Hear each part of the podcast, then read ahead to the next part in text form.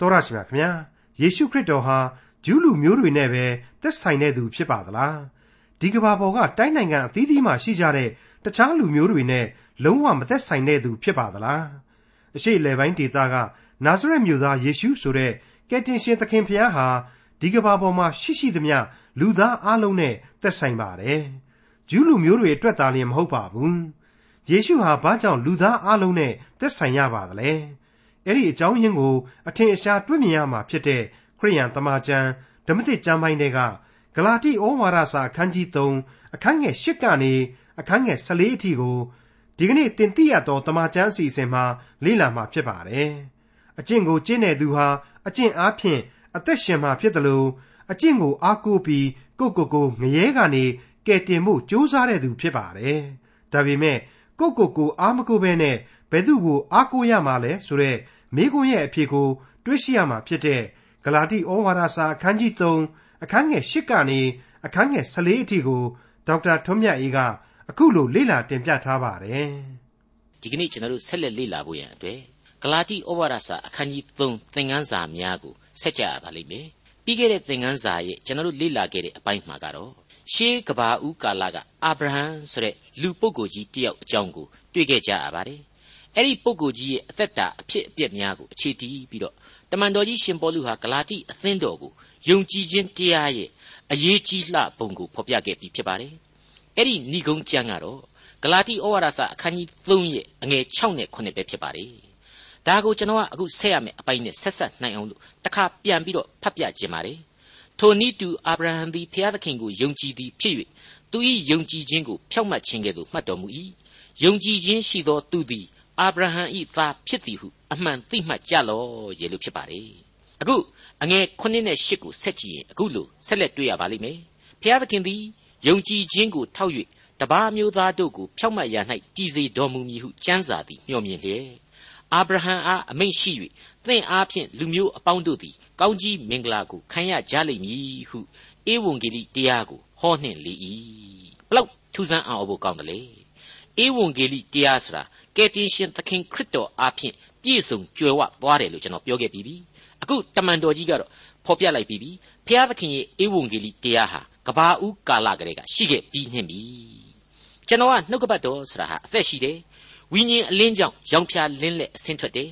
နှစ်ပေါင်း1500မကကြာမြင့်တဲ့အချိန်အတော်အတွင်းမှာဒီနှုတ်ကပတ်တော်တအုပ်အတွက်53ယောက်သောလူဒန်းစားမျိုးစုံဟာစာရေးသူတွေဟာဒီနှုတ်ကပတ်တော်ကိုသက်မဲ့စာလုံးတွေနဲ့ရေးသားခဲ့ကြတယ်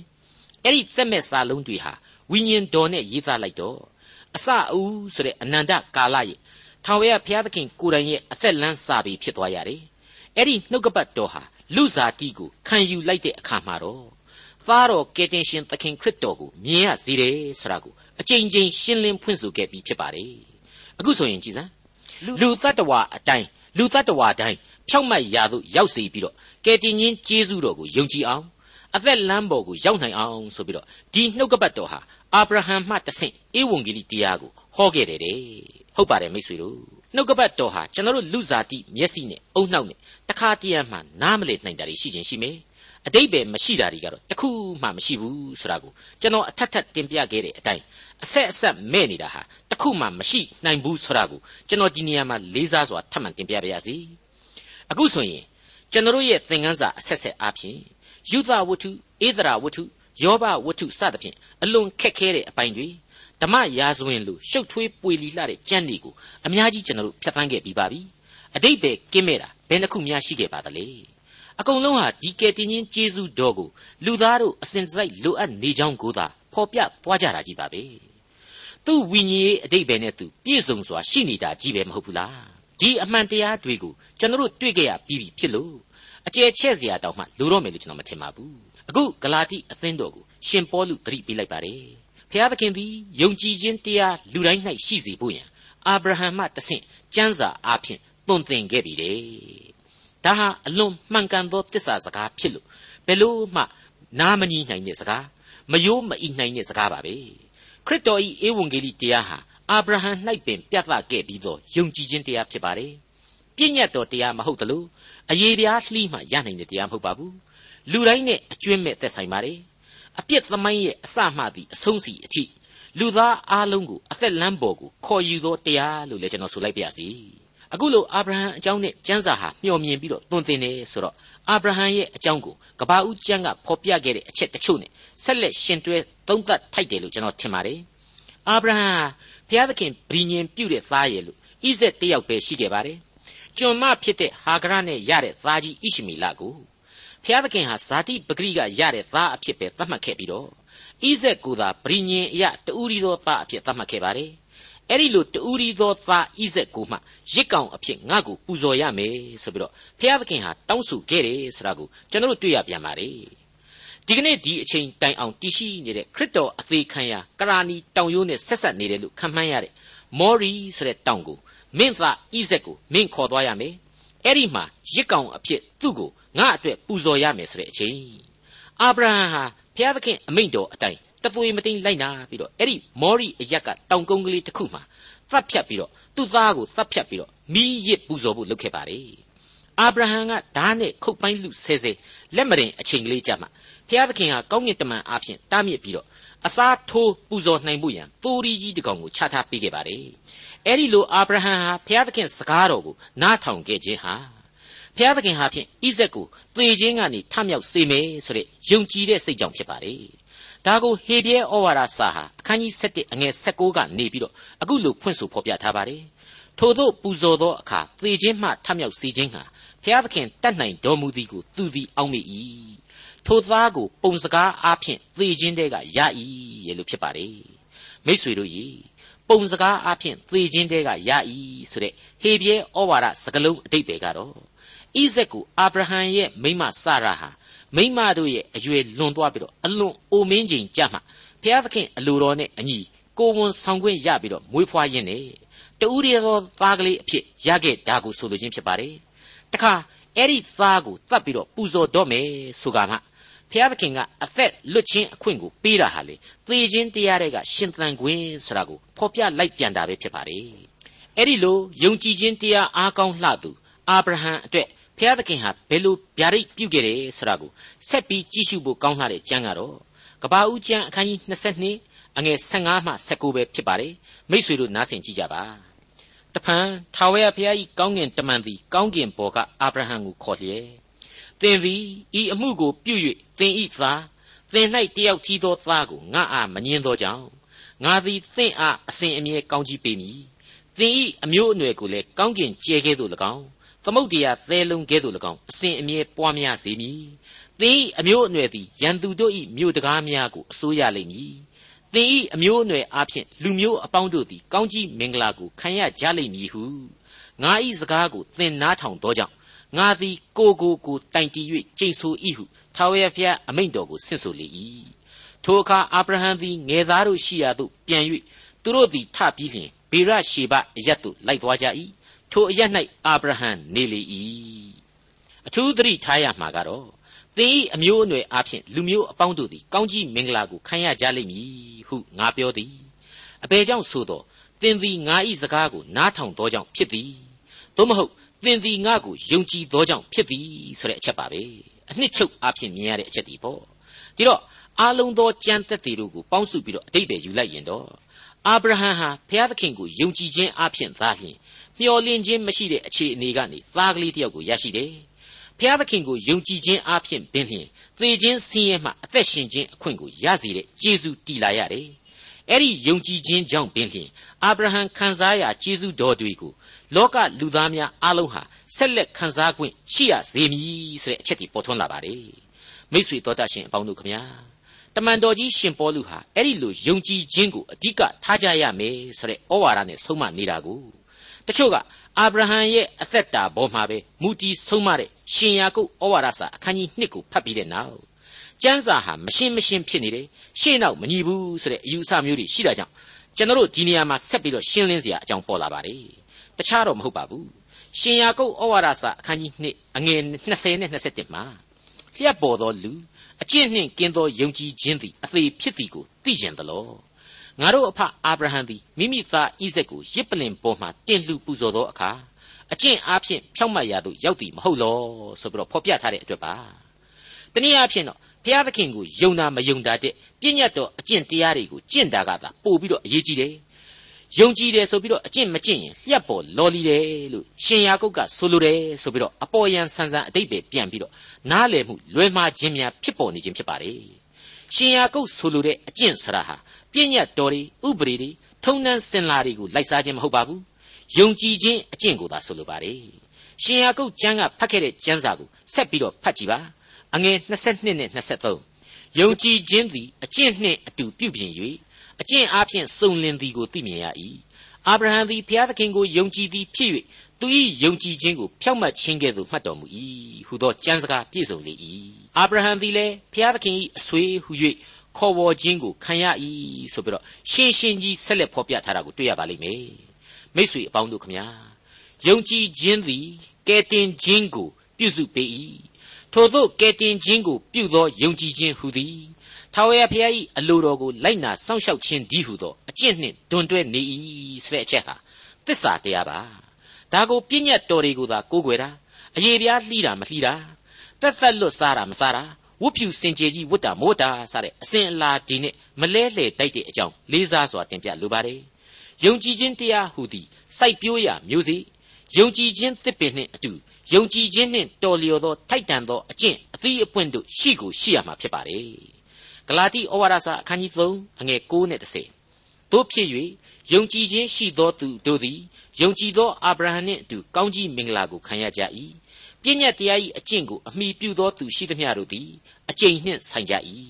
အကြောင်းမူကားပြည့်ညတ်သည့်ကျမ်းစာ၌ပါသမျှသောစကားတို့ကိုအမြဲမကျင့်သောသူတိုင်းကြိမ်တော်မူခြင်းကိုခံစေတည်းဟုကျမ်းစာလာ၏ သိပ်ပြီးတော့ရှေရှေဝေးဝေးတောင်ကြည့်เสียလိုမယ်မဟုတ်ပါဘူးခင်ဗျာနာရေးကြော်ညာတွေကိုသာကြည့်ကြပါတုတ်တန်မြေပေါ်ကဂူတွေကိုသာကြည့်ကြပါတနေ့တခြားယိုယွင်းလာတဲ့ကိုယ့်ရုပ်ကိုသာကိုမှန်ထဲမှာပြန်ပြီးတော့ကြည့်ကြပါအိုခြင်းနာခြင်းသေခြင်းဆိုတဲ့လောကလောကရန်တရားကိုရှင်းရှင်းကြီးမြင်ရပါလိမ့်မယ်ပြီးတဲ့နောက်ထိုအသီးကိုမစားရစားသောအခါမုတ်ချသေးရမည်ဆိုတဲ့ဘုရားသခင်ရဲ့အပြစ်လောကအတွက် ကျိန်စာစုနှင့်မှုကိုကျွန်တော်မလွဲမသွေလှမ်းပြီးတော့မြင်ကြရမှာဧကန်အမှန်ဖြစ်ပါတယ်။ဘာကြောင့်ဒီအဖြစ်ဆိုးကိုကျွန်တော်ကြုံကြရကြောင်းကိုတွေးမိကြရမှာလည်းဖြစ်ပါတယ်။မိတ်ဆွေအပေါင်းတို့ပြည့်ညတ်တော်ဥပရိသတို့ရဲ့တင်းကျပ်မှုဟာအဲ့ဒီလိုပဲထိရောက်တဲ့ကျိန်စာများကိုသင့်စေတဲ့သဘောရှိပါတယ်။သူတို့ဟာအဲ့ဒီလိုလူသဘာဝအာနေခြင်းများလူသားတို့၏အပြစ်များကိုခြောက်လှန့်ပေးတဲ့နေရာမှာအလွန်အစွန်းတကူရှိတဲ့အတွက်ကြောင့်တန်ဖိုးထားရမှာလေဧကန်အမှန်ဖြစ်ပါတယ် လေးစားဖို့လည်းအထူးပဲလိုပါတယ်ဒါပေမဲ့ကိုးကွယ်ရမှာအရှင်မဟုတ်ပါဘူးသူတို့ရဲ့ကြိမ်ဆဲခြင်းနဲ့ပြေဝနေသောလူလောကလူဘဝကိုအမှန်အတိုင်းသုံးသပ်ဆင်ခြင်ပြီးတော့အပြစ်ဒဏ်တွေနဲ့ဝေးစေနိုင်ဖို့ဘုရားသခင်ရဲ့ကျေးဇူးဂရုနာတော်ကိုသာကိုးကွယ်ကြရမှာဖြစ်ပါတယ်အဲ့ဒါကတော့ကယ်တင်ရှင်သခင်ခရစ်တော်ရဲ့ကယ်တင်ခြင်းကျေးဇူးတော်ကိုယုံကြည်လက်ခံ၍အကွယ်အကာယူခြင်းပဲဖြစ်ပါတယ်အဲ့ဒီယုံကြည်ခြင်းအကျင့်ဆိုတာကတော့တခြားမဟုတ်ပါဘူး ဖျားသခင်ကိုနောင်တနဲ့ကိုးကွယ်ခိုလှုံပြီးတော့လောကရန်လူပုံကိုခရစ်တော်နဲ့အတူရဲရင်စွာရင်ဆိုင်ခြင်းဖြစ်ပါတယ်မာနနဲ့အာထုတ်ကြိုးပမ်းလွတ်လန်းရှာဖွေခြင်းမဟုတ်ပါဘူးလူရွာမြေကိုကြောခိုင်းခြင်းလည်းအရှင်းမဟုတ်ပါဘူးဂလာတိဩဝါဒစာအခန်းကြီး3အငယ်7တဖန်တုံဖြောက်မှတ်သောသူသည်ယုံကြည်ခြင်းအပြင်အသက်ရှင်လိမ့်မည်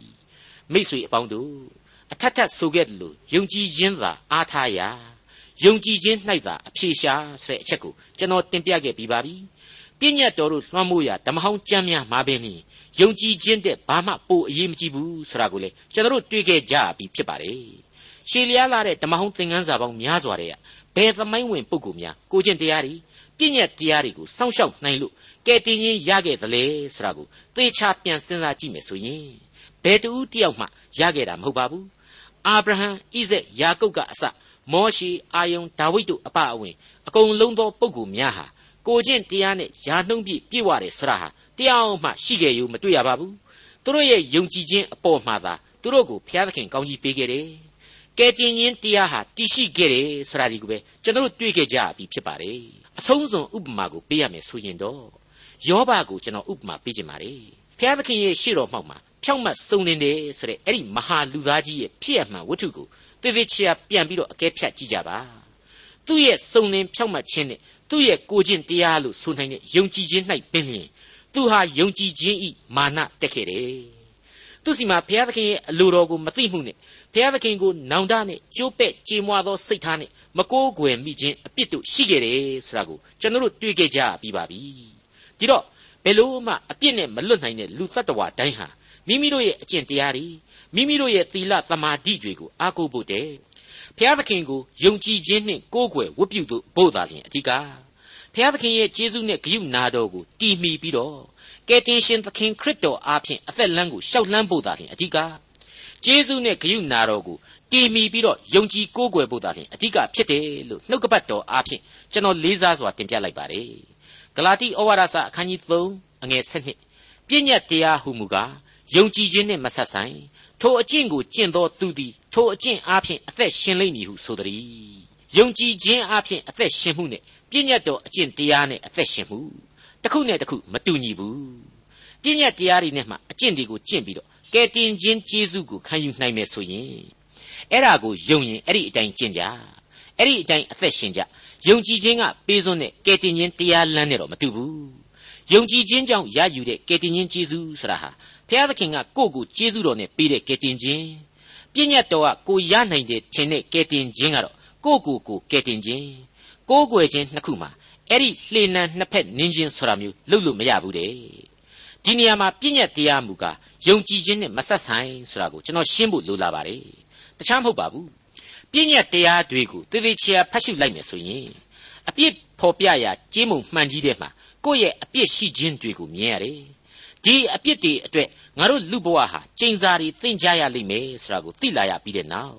ဓမ္မဟောင်းကာလအရာဆိုရင်ဘုရားသခင်ရဲ့ကျေးဇူးနဲ့ဂရုဏာတော်ပလင်ဓမ္မသစ်ကာလအရာဆိုရင်ကယ်တင်ရှင်သခင်ခရစ်တော်ရဲ့ကယ်တင်ခြင်းတရားများကိုတိုးဝင်ချင်းကပ်ဖို့လူသားတိုင်းဟာနားလည်လာရတယ်ဆိုတာကိုကျွန်တော်ဖော်ပြခဲ့ပြီးဖြစ်ပါတယ်။တနည်းအားဖြင့်တော့အဲ့ဒီပြည့်ညတ်တော်တွေဆိုတာဟာယုံကြည်ခြင်းအကျင့်ကိုဖြစ်စေတယ်ဆိုတဲ့သဘောမျိုးပါပဲ။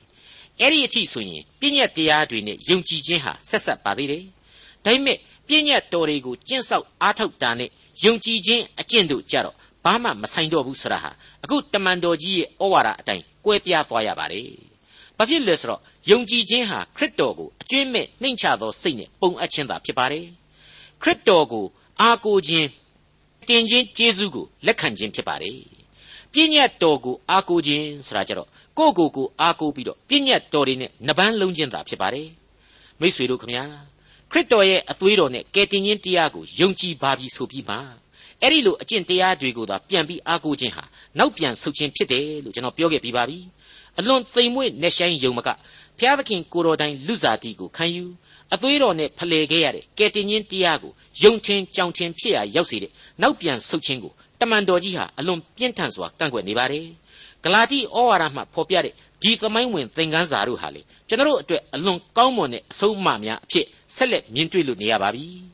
ဂလာတိဩဝါဒစာအခန်းကြီး3အငယ်73နဲ့74ထို့ကြောင့်ဖျားသခင်ရှိတော်၌ပြည့်ညတ်တရားအဖြစ်အဘယ်သူမျှဖြောင့်မတ်ရာသို့မရောက်နိုင်ဟုထင်ရှားလျက်ရှိ၏တစ်တိုင်၌ဆွဲထားခြင်းကိုခံရသူတိုင်းကြိမ်ချင်းကိုခံရသောသူဖြစ်သည်ဟုကျမ်းစာလာသည်နှင့်အညီ ခရစ်တော်သည်ငါတို့အတွက်ကြောင့်ကြိမ်ချင်းကိုခံရသောသူဖြစ်၍ငါတို့ကိုပြည့်ညတ်တရားဤကြိမ်ချင်းမှရွေးနှုတ်တော်မူပြီးအကြောင်းမူကားအာဗြဟံခံရသောကောင်းကြီးမင်္ဂလာသည်ယေရှုခရစ်အားဖြင့်တပါးအမျိုးသားတို့၌တက်ရောက်ရသည်ဖြစ်၍ငါတို့သည်ဂရိတော်နှင့်ရှင်သောဝိညာဉ်တော်ကိုယုံကြည်ခြင်းအားဖြင့်ခံရကြမည်အကြောင်းဒီပထမဦးဆုံးစာကြောင်းတဲ့ကဘုရားသခင်ရှေ့တော်၌ပြည့်ညတ်တရားအားဖြင့်အဘယ်သူမျှ ဖြောင့်မတ်ရာသို့မရောက်နိုင်ဆိုတာကိုကျွန်တော်တကြောပြန်ရေးရွရင်နဲ့ယင်ထဲမှာစိတ်ငနေခံစားမိပါတယ်ကျွန်တော်ရဲ့တငယ်ချင်းအပေါင်းအသင်းတွေဆွေမျိုးတွေအမြောက်အများတွေကငါတို့ကတော့ကောင်းတာကိုလုပ်တယ်ကောင်းတာလုပ်ရင်ပြီးတာပဲဆိုတဲ့လူတွေအတွက်လည်းအထူးသဖြင့်များစွာပူပန်စိုးရိမ်သွားမိပါတယ်အဲ့ဒီမိษွေကြီးတွေကိုအခုပြောရမှာကတော့မိษွေကြီးတို့ရဲ့အယူအဆတွေဟာဥပရိပေါင်တွင်နေထိုင်ခြင်းဘေးကင်းလွန်ချမ်းသာဆိုတဲ့လောကအဝန်းအဝိုင်းနဲ့ကိုက်ညီပါတယ်မဆိုးပါဘူး ဒါပေမဲ့သေပြီးသည်အခြားမဲ့ဘဝဆိုတာတော့ဝေလာဝေအဲ့ဒီလိုမဆိုးလှပါဘူးလို့ဆိုရတဲ့လောကအတွင်း၌ပင်လျင်အကျွင်းမဲ့မှန်ကန်ပါရဲ့လားဆိုတာဟာမေးเสียဖြစ်နေပြီလို့ကျွန်တော်ပြောချင်လာပါတယ်ဟုတ်ပါတယ်ဘုရားသခင်ရှေ့တော်၌ပြည့်ညတ်တရားအဖြစ်အဘယ်သူမျှဖြောင့်မတ်ရာသို့မရောက်နိုင်လို့ဖော်ပြထားပြီမဟုတ်ဘူးလားယောဘဝတ္ထုကရရှိတဲ့သင်ခန်းစာကိုပဲစဉ်းစားကြည့်ကြပါဖြောင့်မတ်စုံလင်သောသူဆိုတဲ့စံပြလူသားကြီးနော်ပိုက်ဆံရှိတယ်ဂုံအသရေအပြည့်အဝရှိတယ် အလူဒါနတွေမှန်သမျှလည်းအိတ်သွန်ဖာမောက်လုပ်ခဲ့ပါတယ်ဆင်းရဲသားတွေကိုကြွေးခဲ့တယ်ဆိုပါလားမဟုတ်တာလည်းတခုမှမလုပ်ဘူးတဲ့ဒါပေမဲ့ဘုရားသခင်ရဲ့အလိုတော်ဟာသူ့ကိုသူအင်မတန်အောင်မြင်ပါတယ်ဆိုတဲ့အဲ့ဒီလောကကြီးမှာပြားပြားဝတ်သွားအောင်ချိုးနှိမ်ပစ်ခဲ့တယ်ဆိုတာကိုကြောက်ခမန်းလိလိကျွန်တော်တို့တွေ့ရတယ်ဒီတော့အဲ့ဒီလိုကောင်းတာလုပ်ခြင်းတွေကောင်းမှုတွေဆောင်ခြင်းတွေဟာလောကမှာတောင်အမြဲမရေမရအဖြေရှာမရဖြစ်နိုင်သေးတယ်ဆိုရင် လောကုတ်တရားအတွက်ကိုစိတ်ချရပြီဆိုနိုင်မှာလားဆိုတာဟာစင်ငယ်စဉ်းစားเสียဖြစ်လာရပါတယ်တမန်တော်ကြီးကတော့ရှင်းရှင်းဘုံမမဲ့ပြောနေပါပြီပြည့်ညက်တရားသို့မဟုတ်အကျင့်တရားအဖြစ်ဖြောက်မှတ်ရသူမရောက်တဲ့တနည်းအားဖြင့်နော်ဖြောက်မှတ်ရသူမရောက်ဘူးဆိုတာဘုရားသခင်ရဲ့စံချိန်စံညွှန်းနဲ့မမီတဲ့အတွက်ကြောင့်ကောင်းကင်နိုင်ငံတော်ကိုမဝင်ရဘူးဆိုတဲ့အတိတ်ပဲပဲဖြောက်မှတ်ရသူရောက်တယ်ဆိုတာအပြစ်ကင်းတာကိုမဆိုလိုဘူးအပြစ်ရှိနေတဲ့လူသားခရစ်တော်အားဖြင့်ဖြောက်မှတ်ခြင်းကိုခံစားရခြင်းကျေးဇူးတော်ပဲ ကျေးဇူးတော်နဲ့ဂိယူနာတော်တက်တက်ပဲအဲ့ဒီလူလဲကျွန်တော်ကဆိုရောအကျင့်ကောင်းတွေကိုပဲကျင့်မယ်ဆိုတဲ့လူသားကြီးတွေဖြောက်မှတ်ရသူမရောက်တော့ဘာဖြစ်လဲဆိုပြီးတော့ပေါက်ဆက်ဆက်သွားမပြောနဲ့ဖြောက်မှတ်ရသူမရောက်ဆိုတာဟာအပြစ်လွတ်ခြင်းကိုမခံရဘူးကယ်တင်ခြင်းကျေးဇူးကိုမခံရဘူးထာဝရအသက်ဆုကျေးဇူးကိုမခံကြရဘူးဆိုတာ ਨੇ အတူတူပါပဲကြောက်เสียမကောင်းဘူးလားကြက်သိန်းတွေတဖြည်းဖြည်းထကျင်เสียမကောင်းဘူးလားဟုတ်ပါတယ်ယောမဩဝါဒစာအခန်းကြီး3အငယ်30မှာကျမ်းစာလာသည်က ဖြောင့်မတ်တော်သူမရှိတယောက်မျှမရှိဆိုပြီးတော့ဖော်ပြထားတဲ့အတွေ့အဲ့ဒီလိုလောကကဘာမြေပေါ်မှာခရစ်တော်ကိုမယုံကြည်သ၍ဘယ်သူမှအပြစ်နဲ့မကင်းဘူးဆိုတဲ့အချက်ဟာရှင်းလာတယ်ဘယ်သူမှဘုရားသခင်အဖို့မဖြောင့်မတ်ဘူးဆိုတာဟာညင်းလို့မရတော့အောင်ပေါ်လာပါတယ်လောကကဘာမြေကြီးသားမှန်သ၍အပြစ်နဲ့တယောက်မှမကင်းဘူးဖြောင့်မတ်တယ်လို့ကိုကိုကိုသွားမပြောနဲ့ဘယ်သူမှမဖြောင့်မတ်ဘူးတဲ့မဖြောင့်မတ်သ၍ကာလပတ်လုံးလဲကောင်းကင်နိုင်ငံတော်နဲ့မထိုက်တန်နိုင်ဘူးတဲ့ဒါပေမဲ့နော် ယောမဩဝါဒစာအခန်းကြီး၄ရဲ့ဏိဂုံးမှာကျတော့အခုလိုဖော်ပြထားပါတယ်ယေရှုကိုသေခြင်းမှထမြောက်စေတော်မူသောသူကိုငါတို့သည်ယုံကြည်လျင်ထိုယုံကြည်ခြင်းကိုငါတို့ဤဖြောက်မှတ်ခြင်းဟုမှတ်တော်မူလတံဆိုပြီးတော့စိတ်သက်သာပွဲအဖြေကိုကျွန်တော်တို့ရှင်းရှင်းကြီးတွေ့ရပြန်ပါတယ်အဲ့ဒီဖြောက်မှတ်ခြင်းဆိုတာဟာဘလောက်အရေးကြီးတယ်ဆိုတာကိုတော့ယောမဩဝါဒစာအခန်းကြီး9ရဲ့အဆုံးပိုင်းမှာအခုလိုဆက်ပြီးတွေ့ရပြန်ပါတယ်ယေရှုခရစ်ပြုစုတော်မူသောကျေးဇူးတရားသည် ထာဝရအသက်နှင့်ရှင်သောဖြောင့်မတ်ရာသို့တွင်ခြင်းအပြင်အစိုးရလေးအံ့သည်ဆိုတဲ့အရေးကြီးလာတဲ့အချက်ပါပဲကောင်းပါပြီပြည့်ညက်တရားကမပေးစွန်းနိုင်တဲ့ဖြောင့်မတ်ခြင်းကိုခရစ်တော်ဟာပေးစွန်းတယ်ဆိုတော့ဘယ်လိုလုပ်ပြီးပေးတာတဲ့လေရှင်းပါတယ်တစ်တိုင်သို့မဟုတ်ကားတိုင်ပေါ်မှာတလောကလုံးအတွက်သင့်နေတဲ့သေခြင်းအပြစ်ဒဏ်ကျိန်စာကိုခံယူပြီးတဲ့နောက်သေခြင်းကိုခံယူခြင်းအဖြစ်အဲ့ဒီကျိန်စာကိုထာဝရအသက်ရှင်စေခြင်းနဲ့အစားထိုးပေးလိုက်ခြင်းပါပဲ ဒါကိုရှင်ပေါလုသတိရစေဖို့ထည့်ပြီးပြောလိုက်ပါတယ်ထို့ကြောင့်ဖျားသခင်ရှေတော်၌ပြည့်ညတ်တရားအဖြစ်အဘယ်သူမျှဖြောက်မှတ်ရသို့မရောက်နိုင်ဟုထင်ရှားလျက်ရှိ၏တစ်တိုင်၌ဆွဲထားခြင်းကိုခံရသောသူတိုင်းကြိမ်ချင်းကိုခံရသောသူဖြစ်သည်ဟုကျမ်းစာလာသည်နှင့်အညီခရစ်တော်သည်ငါတို့အတွက်ကြောင့်ကြိမ်ချင်းကိုခံရသောသူဖြစ်၍ငါတို့ကိုပြည့်ညတ်တရား၏ကြိမ်ချင်းမှရွေးနှုတ်တော်မူပြီးအကြောင်းမူကားအာဗြဟံခံရသောကောင်းကြီးမင်္ဂလာသည် ယေရှုခရစ်အားဖြင့်တပါးအမျိုးသားတို့၌တက်ရောက်ရသည်ဖြစ်၍ငါတို့သည်ဂရိတော်နှင့်ရှင်သောဝိညာဉ်တော်ကိုယုံကြည်ခြင်းအပြင်ခံရကြမည်အကြောင်းတည်းမိษွေတော်တတ်ရှင်အပေါင်းတို့ခမညာဖျားသခင်ရဲ့ကျေးဇူးတော်ဟာကယ်တင်ရှင်သခင်ခရစ်တော်အားဖြင့်ကမ္ဘာလောကသားအလုံးအတွက်တည်ရှိနေပါပြီဣသရေလရဲ့ထုံးစံမှာသေပြစ်ကိုကြောက်ခဲနဲ့သာပေါက်သတ်ပြီးတော့ကြောက်ပုံမှာအလောင်းကိုဖုံးအုပ်တဲ့နီးကိုသာသုံးနေရှိပါတယ်ဒါပေမဲ့ ကယ်တင်ရှင်သခင်ခရစ်တော်ကိုယည်စူးလိုက်တဲ့တစ်တိုင်မှာဆွဲ၍တတ်ရမည်ဆိုတဲ့ကြောက်မဲ့ဖွယ်ကျိန်စာနဲ့ဆိုင်တယ်အလွန်ကြီးလေးလာတဲ့အပြစ်သားတရားခံများအတွေ့သီးသန့်အဆုံးစီရင်ခြင်းဤကိုမောရှိခေတရားဟောရာကျမ်းမှာကလေးကဘုရားသခင်စီရင်ခဲ့ပါတယ်တရားဟောရာကျမ်းအခန်းကြီး27ဏိဂုံးကျမ်းပိုက်တွေဟာဒါကိုအခိုင်အမာဖော်ပြနေပါတယ်သေလိုက်သောအပြစ်ရှိသောသူကိုတစ်တိုင်၌ဆွဲ၍တတ်လျင်အသေးကောင်ကိုတစ်တိုင်၌တညလုံးမထားရ ထိုနေ့ချင်းတွင်မြေ၌ဆက်ဆက်မြုပ်ရမည်တစ်တိုင်၌ဆွဲထားခြင်းကိုခံရသောသူသည်ကြိမ်ခြင်းကိုခံရသောသူဖြစ်၏သင်၏ဘုရားသခင်ထာဝရဘုရားသည်သင်အမွေခံစရာဖို့ပေးတော်မူသောပြည်သည်မညစ်ညူးစေမည်အကြောင်းထိုသို့ပြုရမည်ကဲကယ်တင်ရှင်သခင်ခရစ်တော်ရဲ့အသေးခံတော်မူခြင်းဟာကမ္ဘာလောကကြီးတစ်ခုလုံးမှာညစ်ညူးနေစေတဲ့အပြစ်တွေအတွက်ဖြစ်တယ်ဆိုတာဟာရှင်းမနေဘူးလားပြီးတော့ အသေးကောင်ကိုတစ်တိုင်၌တညလုံးမထားရဆိုတဲ့အတိုင်းပဲကယ်တင်ရှင်သခင်ခရစ်တော်ကိုအဲ့ဒီညနေပိုင်းမှာတင်ပဲကြောက်ကူတစ်ခုထဲမှာတွားပြီးတော့သင်ကြူခဲ့ကြရတယ်မဟုတ်ဘူးလားမိษွေအပေါင်းတို့ခမညာဒီအကြောင်းတရားတွေကိုပြန်ပြီးစဉ်းစားလိုက်လို့ရှိရင်ခခရစ်တော်မှာဘာများအပြစ်ရှိလို့အခုလိုအစီရင်ခံခဲ့ရတာလဲဆိုတဲ့မေးခွန်းဟာပေါ်လာပါတယ်ဒါဟာအခုကျွန်တော်တို့အဖို့ဂလာတိယုံကြည်သူများနဲ့အတူတကွစဉ်းစားရမယ့်မေးခွန်းကိုရှင်ပေါလုအားဖြင့် ဂလာတိဩဝါဒစာမှတွေ့ရတယ်လို့ကျွန်တော်တို့ခံယူလိုက်ကြပါမိတ်ဆွေအပေါင်းတို့လူစားတိကိုခံယူသောသခင်စီမှာဘာအပြစ်မှမရှိခဲ့ရှာပါဘူးဒါမဲ့သူဟာကျိန်စာသင့်နေတဲ့လူအဖွဲ့အစည်းကြီးတစ်ခုလုံးကကြောက်မဲ့ဖွယ်အပြစ်တရားအလုံးစုံတို့ကိုသေဆောင်ပြီးတော့တစ်တိုင်ပေါ်မှာဆွဲ၍အသေးခံခဲ့ရခြင်းဖြစ်ပါတယ်အဲ့ဒီအသေးခံတော်မူခြင်းဟာလူသားအလုံးတို့အတွက်အပြစ်တရားမှရွေးနှုတ်ရန်အသေးခံခြင်းပြေဝစုံလင်သောကယ်တင်ရှင်ကျေးဇူးကိုပြုတော်မူခြင်းတသက်တာဖြစ်ပါတယ် ဘယ်လူသားမှမိမိတို့ရဲ့အကျင့်သီလမိမိကံဉဏ်ဝရိယမိမိတို့ရဲ့ကိုကျင့်တရားများနဲ့မရယူနိုင်တဲ့သာဝရအသက်လမ်းကိုယုံကြည်ခြင်းတရားအဖြစ်တက်လှမ်းဖို့ရန်ပဲဖြစ်ပါတယ်ဟုတ်ပါတယ်သူ့ယုံကြည်ခြင်းကြောင့်ဖြောက်မတ်ရာကိုရောက်ခဲ့သူအာဗြဟံကိုဘုရားသခင်ပေးခဲ့တဲ့ဂရိတော်ကိုနားဆွင့်ကြည့်ကြပါသင်အားဖြင့်လေလူမျိုးအပေါင်းတို့သည်ကောင်းကြီးမင်္ဂလာကိုခံရကြလိမ့်မည်တဲ့ ဒေါက်တာထွန်းမြတ်ရေးစီစဉ်တင်ဆက်တဲ့တင်ပြရတော်တမချန်းအစီအစဉ်ဖြစ်ပါတယ်နောက်တစ်ချိန်အစီအစဉ်မှာခရိယံတမချန်းဓမ္မသစ်ကျမ်းပိုင်းတွေက